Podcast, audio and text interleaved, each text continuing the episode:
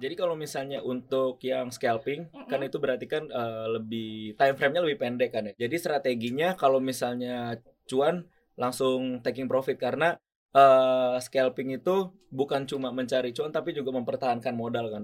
Sebetulnya cara kerjanya itu seperti apa sih praktik dari window Hmm. dressing itu? Eh, bobotnya LQ45 itu kan gede ya di indeks bobotnya. Jadi pas eh, IHSG naik otomatis itu yang menggeraknya itu LQ45. Kebanyakan kayak gitu. Jadi kita eh, apa mikirnya LQ45 naik padahal second sama third liner juga ada potensi untuk mengalami kenaikan.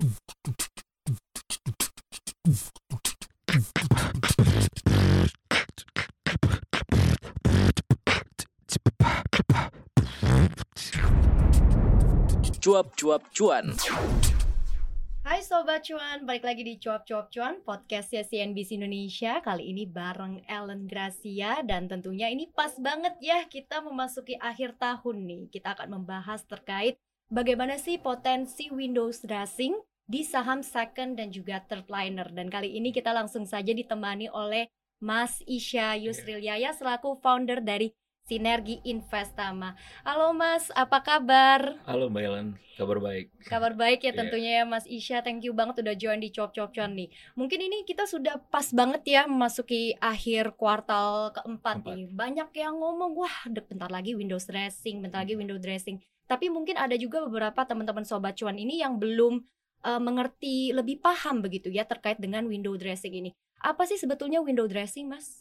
Jadi eh, window dressing tuh sebuah fenomena yang di mana nih kinerja-kinerja saham suatu emiten itu mengalami apresiasi. Jadi di akhir eh, kuartal itu harga-harga sahamnya mengalami kenaikan kayak gitu sih.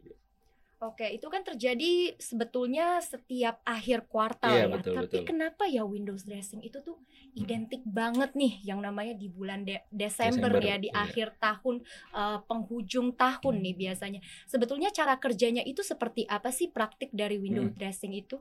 Jadi iya, jadi sebenarnya itu window dressing terjadi di setiap akhir kuartal Mm-mm. kayak gitu benar. Tapi eh, euforia eh, pelaku pasar modal biasanya udah apa ya udah ada top of mindnya kalau misalnya window dressing tuh terjadi di Desember. Jadi mungkin gak bedanya kayak eh, sell in May and go away. Orang udah kayak apa secara psikologi meyakini kalau misalnya eh, akhir periode di akhir tahun itu Desember itu mengalami kenaikan. Jadi euforianya lebih lebih lebih tinggi lah dibandingkan dengan akhir kuartal yang lainnya. Terus kalau misalnya untuk mekanismenya itu jadi karena itu di akhir kuartal di akhir tuh buku jadi eh, emiten maupun manajer investasi itu ingin eh, menunjukkan kinerja yang baik kan pastinya. Memoles-moles ya, memoles mempercantik iya gitu benar benar ya. benar iya. Oke, jadi mempercantik. Jadi dari sisi harga sahamnya itu ketika di akhir tutup buku itu di akhir kuartal eh, sesuai dengan keinginan si emiten atau manajer investasi gitu untuk portfolionya. Hmm,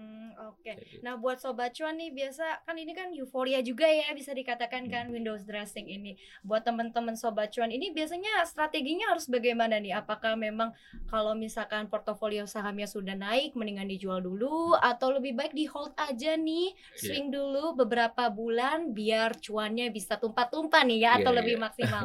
Seperti apa nih, Mas? Jadi sebenarnya untuk apa sobat-sobat cuan itu baiknya sebelum kita melakukan pembelian saham itu kita udah punya namanya trading plan Mm-mm, kayak gitu. Jadi cara kita entry di sahamnya ataupun nanti cara kita buangnya yang tadi kata Bailon kita baiknya pas ada kenaikan langsung jual atau misalnya tunggu ketika cuannya luber-luber kayak gitu ya. Iya, iya. Mungkin kalau misalnya baiknya kita udah set kita punya trading plan, mungkin kita ada beberapa poin untuk exit kayak gitu. Jadi eh, misalnya kita udah ada beli suatu saham, pas dia mengalami kenaikan kita nggak langsung buang semuanya kayak gitu. Atau kita juga udah tahu titik-titik di mana aja yang kita eh, gunakan untuk melakukan penjualan. Jadi dari technical analysis gitu ya, kita udah tahu resisten-resisten si saham yang kita mau beli gitu. Jadi bisa dijual bertahap atau kita jual seluruhnya pas misalnya dia nggak bisa breakout resistance gitu. Oke, itu mungkin buat swinger juga ya. Tapi benar-benar. kalau buat teman-teman biasa teman-teman trader atau sobat cuan yang suka scalping, ini biasanya kayak gimana nih memanfaatkan momentum window dressing ini? Jadi kalau misalnya untuk yang scalping kan Mm-mm. itu berarti kan eh, lebih time frame-nya lebih pendek kan ya. Jadi strateginya kalau misalnya cuan langsung taking profit karena eh scalping itu bukan cuma mencari cuan tapi juga mempertahankan modal kan. Daripada modalnya dia di hold di satu saham, mendingan kalau misalnya cuan dia tarik, dia jual, habis itu dia eh, entry ke saham yang lainnya. Jadi kan apa eh, frekuensinya juga bisa banyak. Jadi kita ikutin misalnya lagi euforia saham apa gitu ya, misalnya energi gitu, komoditi. Nah, kita entry di sana, misalnya udah ada kenaikan, eh, kita bisa langsung taking profit kayak gitu kalau misalnya untuk yang scalper. Oke, tetap diversifikasi, ya Diversifikasi, berarti. Nah, biasanya kesalahan apa nih? Itu kan tadi dusnya. Iya. Kalau downs-nya nih apa sih yang harus dihindari biar jangan sampai malah jadi loss Loss, iya. ataupun kesalahan yang biasa dilakukan nih para investor pemula ketika ada euforia seperti Hmm. window dressing ini. Jadi eh, mungkin yang tidak boleh dilakukan ya untuk Mm-mm. para para eh, investor atau pelaku pasar modal yaitu bersikap apa FOMO gitu. Jadi tanpa analisa yang jelas, tanpa melakukan riset, tanpa membuat trading plan, jadi beli karena ikut-ikutan. Kayak gitu misalnya yang lagi happening apa sih? Apalagi lihat di sosial media apa yang eh, lagi happening. Nah, beli tanpa trading plan ataupun analisa itu sih yang salah. Kalau misalnya dapat informasi dari mana pun maupun dari sosial media gitu ya. Kalau misalnya di eh, riset dan dianalisa ulang nggak masalah sebenarnya. Tapi yang salah itu ketika kita beli, tapi kita sebenarnya nggak tahu kita lagi beli apa. Jadi trading plan sama analisa sih itu harus di, i- apa dilakukan gitu. Oke, tetap jangan FOMO ya Iya, berarti. Kalau memang udah ketinggalan, udah naik duluan ya udah, Ya udah, cari yang benar, lain aja Iya. gitu ya. Nah, ini kan juga banyak yang bilang window dressing ini biasanya kan saham-saham yang bakal naik tuh saham-saham di indeks LQ45. Iya, benar-benar. Tapi sebetulnya kalau kita bedah lagi ataupun kita lihat lagi saham-saham yang small cap ataupun yang second liner, third liner ini potensi cuannya ini seperti apa sih? Apakah juga sama ataupun berbeda nih?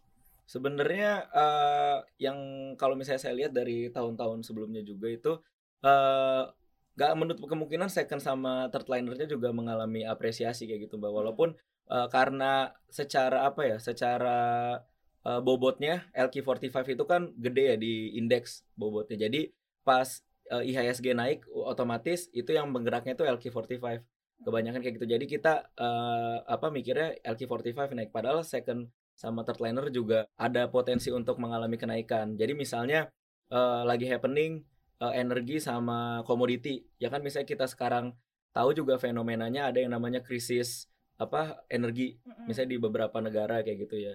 Itu jadi sentimen positif untuk di sektor energi dan komoditi. Jadi walaupun apa eh, saham-saham eh, third liner, second liner tapi yang dia termasuk di sektor tersebut itu bisa juga naik tinggi. Apalagi kalau yang second liner itu third liner biasanya kan eh, market cap-nya nggak besar. Ju- Justru naiknya secara presentasi lebih tinggi gitu. Lebih volatile lah. Oke, yang biasa diperhatikan tuh indikator apa sih ketika mungkin eh sobat cuan ini sepertinya pengennya masuknya ke saham-saham second ataupun third liner aja nih. Apa Hmm. selain mungkin inflow ataupun technical atau bagaimana nih biasanya kalau Mas Isya ini lihat? Oke, jadi eh, kalau misalnya pengen apa masuk ke saham-saham yang third liner, second liner, udah pasti kita ngelihatnya itu dari market cap ya kan. Kalau Mm-mm. misalnya dari suatu sektor yang market cap-nya besar kan itu berarti apa yang big cap-nya ya. Kalau misalnya second sama third liner itu yang market cap-nya jauh lebih kecil. Nah, biasanya contoh nih, contoh kayak misalnya kemarin saham-saham energi itu komoditi naik batu bara gitu ya. Hmm. Batu bara eh, naik tinggi itu ka- kayak kita tahu Adaro kayak kayak apa ITMG Hmm, naik hmm, hmm. misalnya berapa persen tapi kalau misalnya saham yang third linernya kayak BOS, BOSS Hmm. itu naiknya bisa bisa lebih tinggi secara persentase gitu karena market cap-nya juga nggak sebesar Adaro maupun ITMG.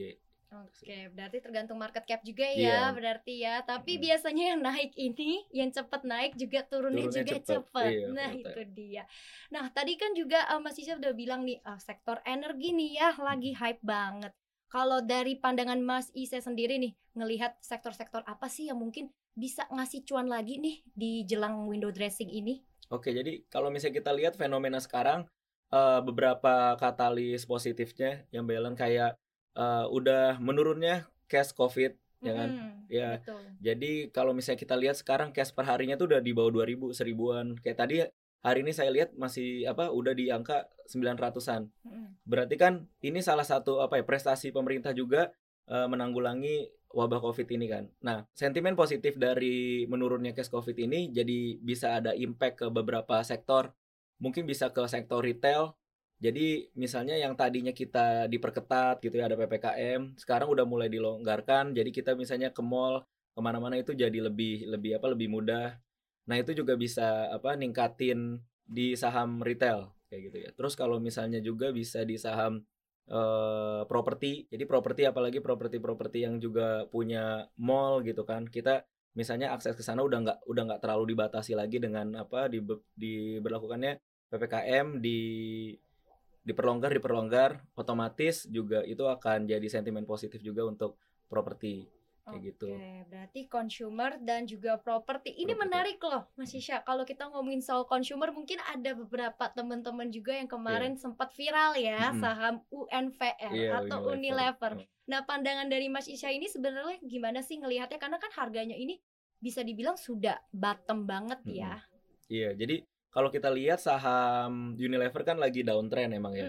Terus misalnya kita lihat chartnya juga eh, belum belum pecah tren lah. Jadi belum ke fase uptrend ya, belum break dia punya resistance. Jadi sekarang sih masih wait and see dulu untuk Unilever kayak gitu. Walaupun udah beberapa hari ini udah mengalami kenaikan kan, tapi kita nunggu confirm dari eh, dia udah break resistance baru kita bisa entry gitu.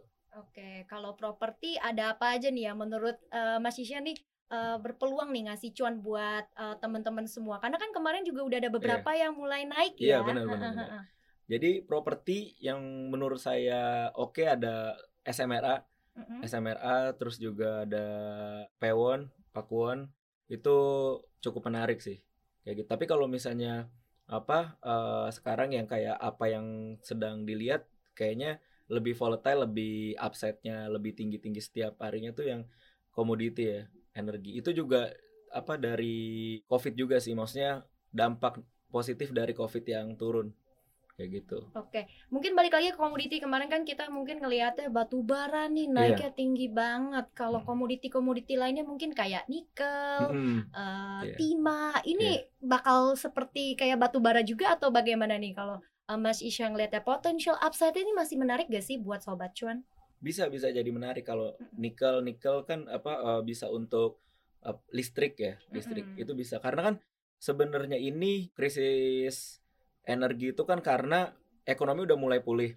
Jadi covid udah mulai turun ekonomi pulih orang udah bisa beraktivitas lagi udah bisa naik mobil udah bisa naik pesawat udah bisa gimana. Jadi demand terhadap si energi itu udah tinggi kan. Cuma supply-nya yang nggak bisa supply. Jadinya krisis akhirnya harga komoditinya naik Nah, kalau misalnya eh, nikel ini nanti juga ada potensi, ada potensi naik juga karena eh, aktivitas lama-lama makin berjalan normal gitu loh, Mbak. Oke. Jadinya ntar demand terhadap si komoditi-komoditi itu akhirnya bisa balik lagi. Tuh, ketika Hmm. demandnya udah mulai eh, balik lagi tapi supply-nya belum bisa memenuhi itu, kemungkinan harga komoditasnya bisa meledak-ledak kayak misalnya batu bara atau oil gitu.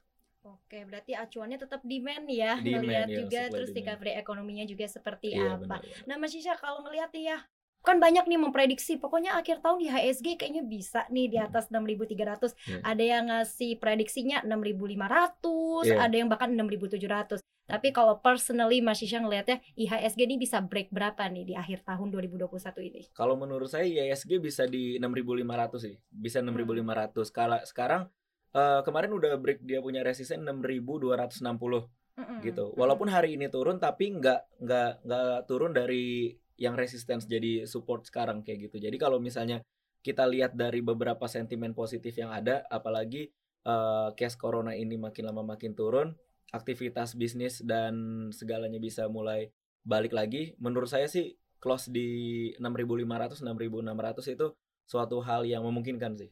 Oke, masih possible ya berarti Masih ya. possible. Nah ya. Mas Isya kalau bisa milih satu saham nih yang mungkin ataupun satu sektor juga nggak apa-apa nih ya yang bisa jadi winner stocknya di akhir tahun ini apa Mas? Yang jadi winner stock saya sih masih di energi ya komoditi. Tetap energi, oke. Iya. Mm-mm. Nah kalau gitu tips apa sih yang mungkin buat sobat cuan ini kan banyak nih ya akhir tahun selain window dressing juga ada Santa Claus Rally, Iya, benar, ada. January Effect. Iya. Pesan dari Mas Isya nih buat teman-teman sobat cuan semua dalam menghadapi trading terus juga menjaga psikologis bagaimana nih Mas? Iya, jadi buat teman-teman sobat cuan, jadi untuk kita bisa mengoptimalkan momentum-momentum yang ada ini, kita perbanyak membaca, perbanyak mendengar, dan perbanyak analisa. Jadi informasi-informasi yang kita dapat dari beberapa media itu kita jadikan data untuk kita analisa. Akhirnya kita bisa menentukan nih ngambil keputusan saham mana yang kita beli. Jadi tetap uh, syaratnya teman-teman harus disiplin untuk membuat trading plan sama analisanya sendiri sih. Oke, tetap trading plan Trading dan plan. juga jangan FOMO ya Jangan FOMO, pastinya benar, ya. iya, iya. Jangan takut ketinggalan. Thank you banget Mas Shisha udah banyak banget insight dan juga bocoran nih ya saham-saham sektor apa nih yang menarik untuk dilirik jelang Windows dressing. Sekali lagi thank you banget udah join di Cuap Cuap Cuan. Uh, Mas Isya Yusril Yaya, founder dari Sinergi Investama. Ya. Sehat-sehat selalu ya Mas. Amin. Thank you Mbak Ellen. Sehat-sehat selalu. Ya, itu dia uh, Sobat Cuan. Semoga bermanfaat ya. Sekali lagi buat Sobat Cuan. Jangan lupa terus dengerin Cuap Cuap Cuan di Spotify, Apple Podcast, Google Podcast, dan juga YouTube kita di Cuap Cuap Cuan. Dan jangan lupa juga untuk follow Instagram kita di cuap underscore cuan. Ellen pamit dulu. Bye-bye.